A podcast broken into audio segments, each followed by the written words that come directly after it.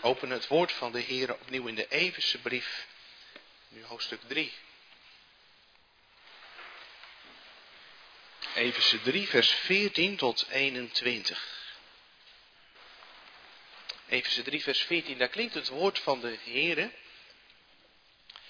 Op deze reden buig ik mijn knieën voor de Vader van onze Heer Jezus Christus naar wie elk geslacht in de hemelen en op de aarde genoemd wordt, opdat hij u geeft naar de rijkdom van zijn heerlijkheid, met kracht gesterkt te worden door zijn geest in de innerlijke mens. Opdat Christus door het geloof in uw harten woont en u in de liefde geworteld en gefundeerd bent opdat u ten volle zou kunnen begrijpen met alle heiligen wat de breedte en lengte en diepte en hoogte is. En u de liefde van Christus zou kennen die de kennis te boven gaat, opdat u vervuld zou worden tot heel de volheid van God. Hem nu die bij machten is te doen ver boven alles wat wij bidden of denken, overeenkomstig de kracht die in ons werkzaam is, hem zij de heerlijkheid in de gemeente door Christus Jezus in alle geslachten tot in alle eeuwigheid. Amen.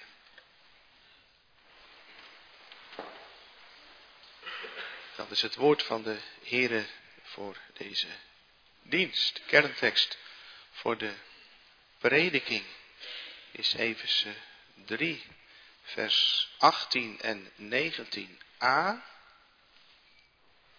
opdat u ten volle zou kunnen begrijpen met alle heiligen, wat de breedte en lengte en diepte en hoogte is, en u de liefde van Christus zou kennen, die de kennis te boven gaat.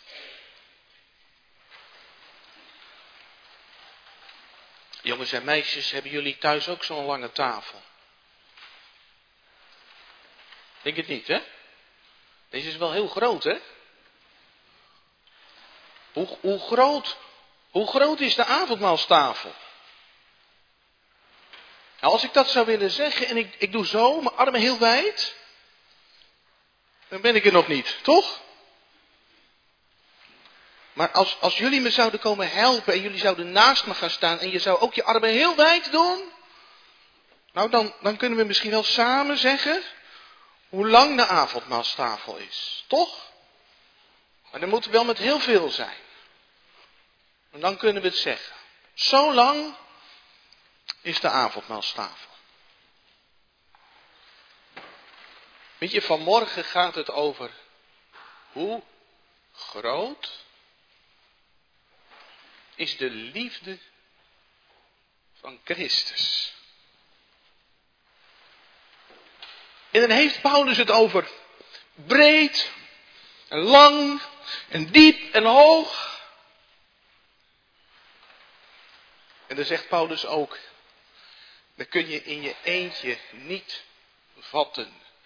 Dat lukt alleen maar, op zijn minst, samen met alle heiligen.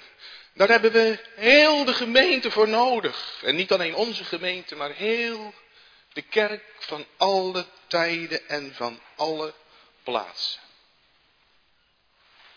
Daar gaat het over. Thema voor de preek. Kom, laat ons zijn liefde prijzen.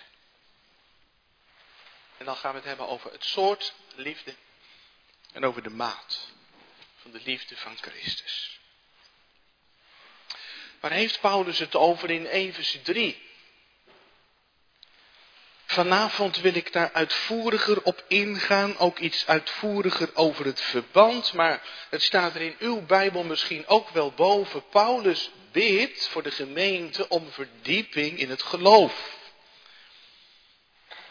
Want de gemeente van Eversen is een jonge gemeente die bestaat nog geen tien jaar. En daarom verdieping.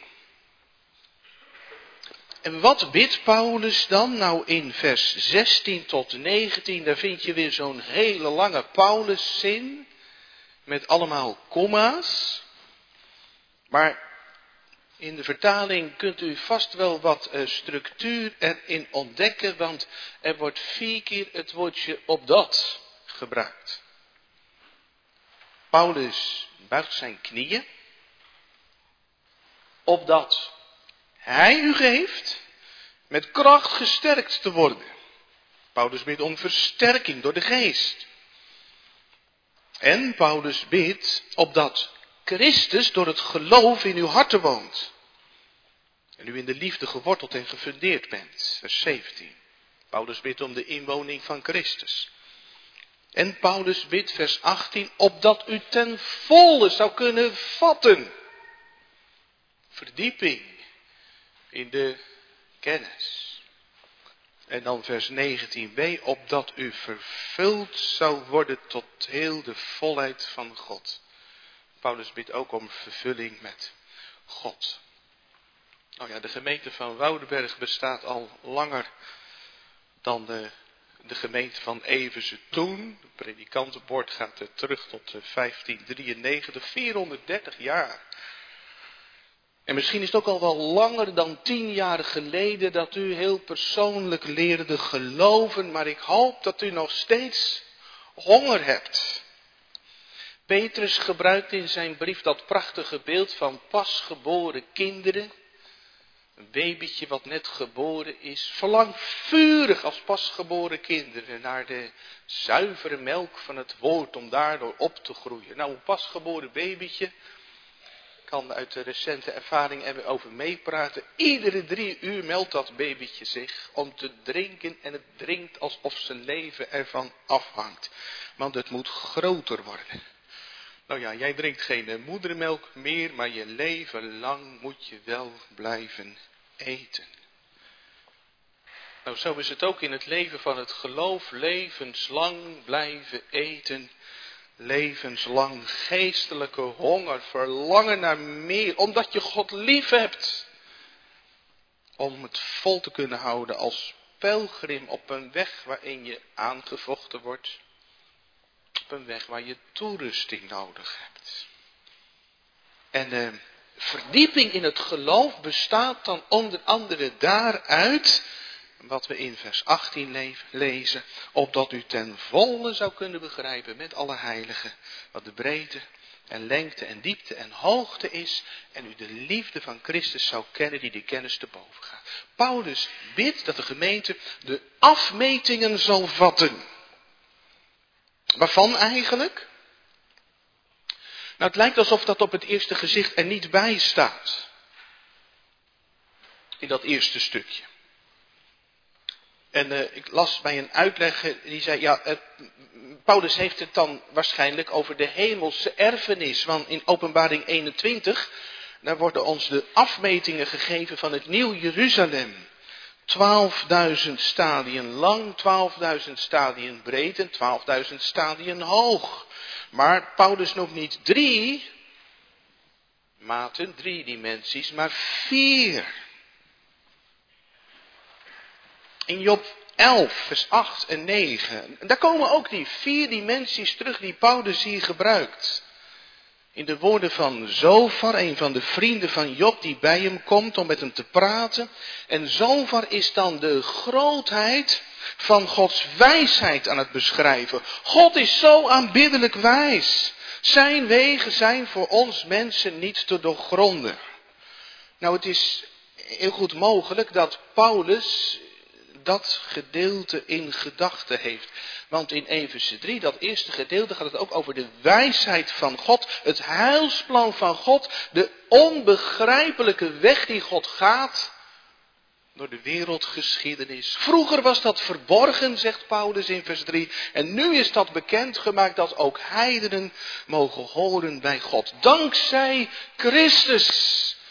En Paulus knoopt dat dan als het ware aan elkaar. Je mag de tekst namelijk ook zo lezen, opdat u ten volle zou kunnen begrijpen, met alle heiligen, wat de breedte en lengte en diepte en hoogte is, namelijk dat u de liefde van Christus zou kennen.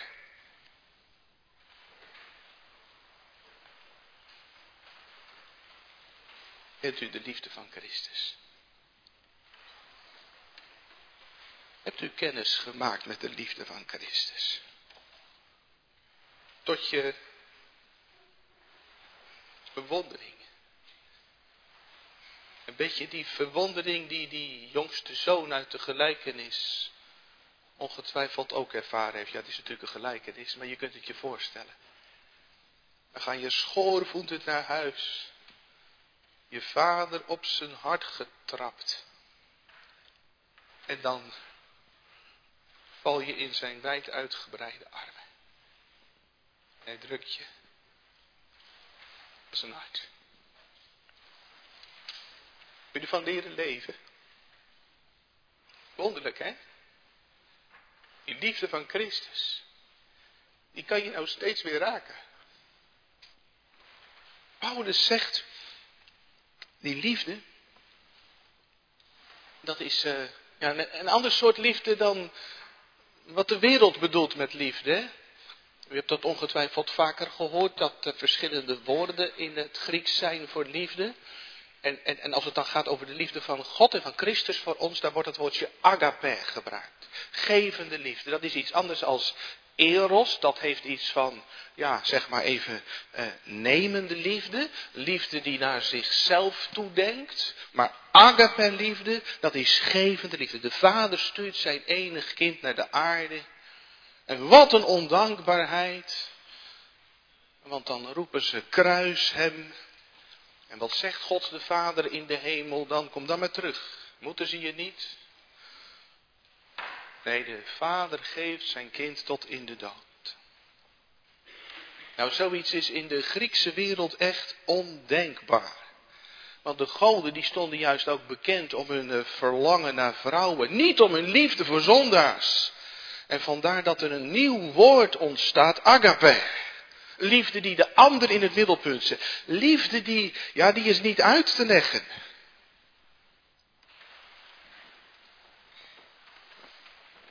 Als ik uh, een trouwdienst mag gaan leiden, hebben we natuurlijk altijd een huwelijksgesprek. Hè? Dan, dan vraag ik aan een stel, ja, waarom trouwen jullie met elkaar? Waarom uh, houden jullie van elkaar? Nou ja, dan komt er heel wat tot over je oren verliefd. Dan weet je wel wat op te noemen, waarom je van die ander houdt. Maar de liefde van God, die is niet uit te leggen. Ziet God iets in ons? De Bijbel heeft het erover dat wij mensen zijn die geestelijk vreemd gaan. Die de schepper inruilen voor van alles en nog wat. En u kent ook wel de geschiedenis van de profeet Hosea, die moet trouwen met een vrouw die als hoer leeft. wordt gebruikt als beeld voor de Heere die zijn overspelige volk toch achterop komt. Keer op keer God straft Israël, maar stuurt Israël niet totaal de laan uit, maar spreekt naar haar hart. Dat is, dat is, onverklaarbaar, dat is, dat is niet uit te leggen.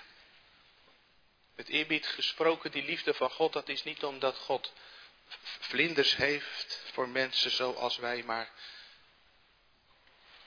ja, onverklaarbaar. Een, bliksemstraal verdient. Maar je ontvangt een zonnestraal. Nou, die liefde die staat vanmorgen centraal aan de avondmaalstafel. En Paulus zegt dan, die liefde van Christus die is breed. Is niet alleen voor Israël. Maar na Pinksteren gaan de apostelen erop uit. U zult mijn getuigen zijn Zowel in Jeruzalem als in geel Judea en Samaria tot aan het uiterste van de aarde. Zo breed. En dan worden ze erbij gehaald. Kamerheer uit Ethiopië. Lydia uit Filippi. Dionysius en Damaris uit Athene. Afrikanen, Aziaten, Indianen, Europeanen. Ik heb vroeger op school eens een liedje geleerd. Geel en bruin en blank en zwart vinden plaats aan Jezus hart. Zo breed als de wereld. Vriendelijke zondaars als dat bestaat en gruwelijke zondaars. Een vrome Nicodemus en ook de moordenaar aan het kruis en ook de Efeziërs. Die vroeger half bezopen uit de tempel van Artemis kwamen waggelen. Als ze weer alle remmen hadden losgegooid. Zo breed als de wereld is de liefde van Jezus. Wie je ook bent. Misschien wil je liever wel niet dat mensen vragen naar je verleden, want je schaamt je kapot. En je voelt je misschien wel als die verloren zoon. Geld van je vader erdoor gejast, je hoefde geen pa, alleen maar zijn geld. Maar daar is plaats bij het kruis, want het bloed van Jezus Christus is een verzoening voor onze zonde. En niet alleen voor de onze, maar ook voor de zonde van heel de wereld. En zegt Paulus, die liefde van Christus is ook lang. Die kun je niet meten. zou het kunnen vergelijken met de liefde tussen man en vrouw. Wanneer begint die liefde? Ja, daar zit een begin aan, is een dag en je komt elkaar tegen en bam, verliefd. De vonk springt over, daar begint het. En wanneer houdt die liefde op? Houdt van elkaar. Ja, de, de, de, tot, de, tot de dood ontscheidt. De, de dood maakt daar een einde aan. Maar de liefde van Christus. Wanneer is die begonnen? Wanneer is de liefde van de Heer Jezus begonnen? Dat kun je niet zeggen. Dat was in ieder geval niet toen ik naar de Heer Jezus ging vragen. Toen ik begon met geloven, met bidden. Paulus zegt dat in Romeinen 5, woorden die ook klinken in het avondmaalsformulier. God bevestigt zijn liefde voor ons daarin dat Christus voor ons gestorven is toen wij nog zondaars waren. Toen ik nog niet eens geboren was, toen gaf Jezus zijn bloed al voor ons. Spurgeon zegt, je kunt makkelijker het begin vinden van jouw liefde tot Christus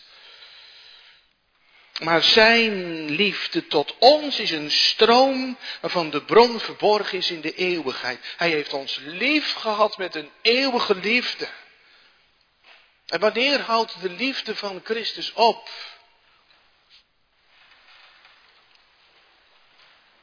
Er zijn heel wat momenten dat hij reden zou kunnen hebben om een punt te zetten. Kijk maar naar het leven van de Heer Jezus op aarde.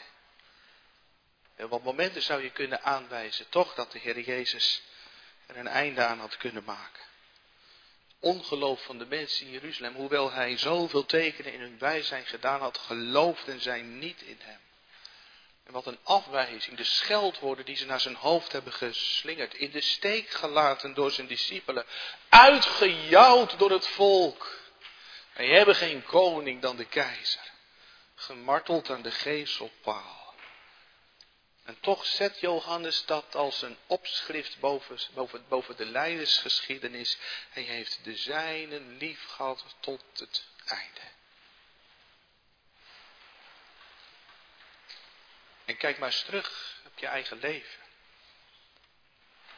Hoeveel aanleiding geef je aan de Heer om er een punt achter te zetten met jou? Soms te lui om tijd te maken voor gebed. Soms te lauw om tegen de zonde te strijden. Soms te laf om voor hem uit te komen.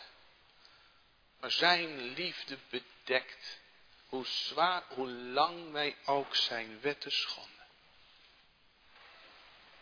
De liefde van Christus, breed en lang en diep ook. Heer Jezus roept niet vanuit de hemel, ik heb jullie lief. En ik zal bij wijze van spreken een reddingsteam van engelen sturen om jullie te redden. Maar hij daalt zelf neer op deze afgrijzelijke planeet. Waar mensen, smokkelaars, vluchtelingen in gammele boten de Middellandse Zee laten oversteken. Waar het bloed van zoveel jonge mannen de aarde in Oekraïne rood kleurt. Waar zoveel mensen door hun leven, misschien hoort u en ik er ook bij, er blijk van geven. Wij willen niet dat God onze schepper koning over ons is. Jezus daalt neer in onze werkelijkheid vanuit die plek waar de serafs onafgebroken jubelen. Heilig, heilig, heilig. Hier op aarde krijzen de zondags kruis hem, kruis hem.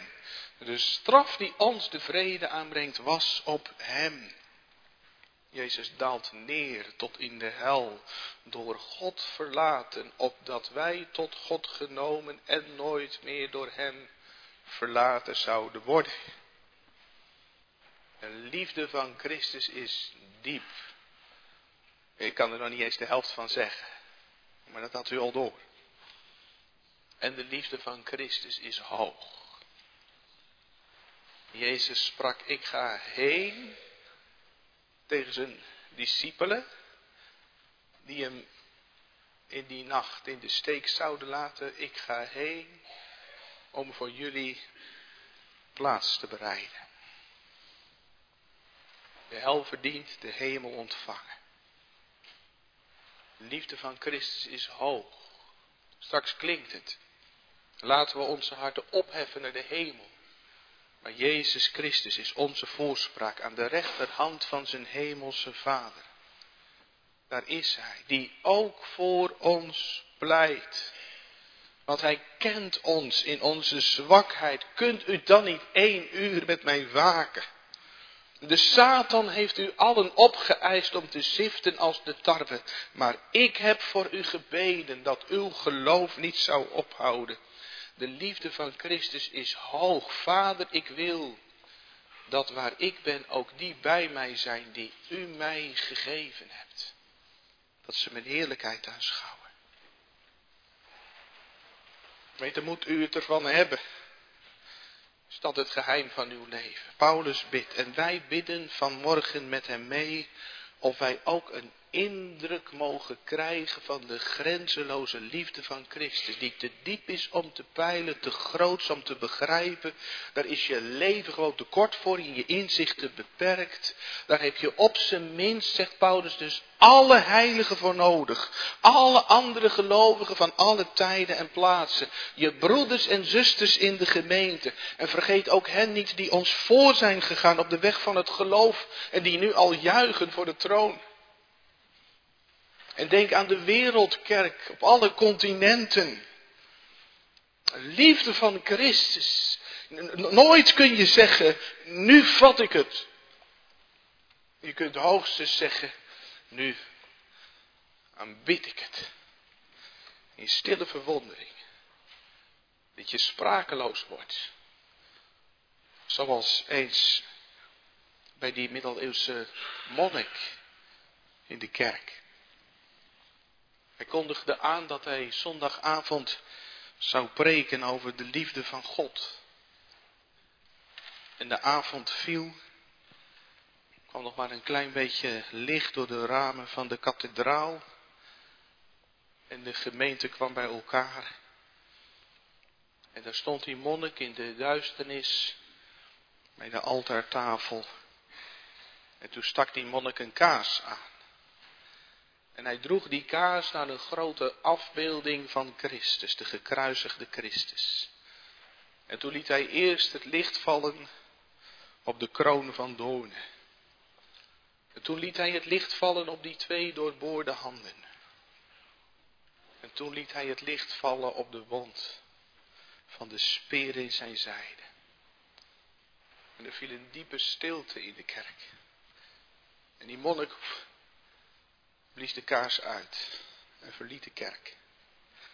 Daar had hij niets aan toe te voegen. En zo worden wij vanmorgen aan de avondmaalstafel stil. In stille verwondering, diepe dankbaarheid, verkondigen wij de dood van Christus.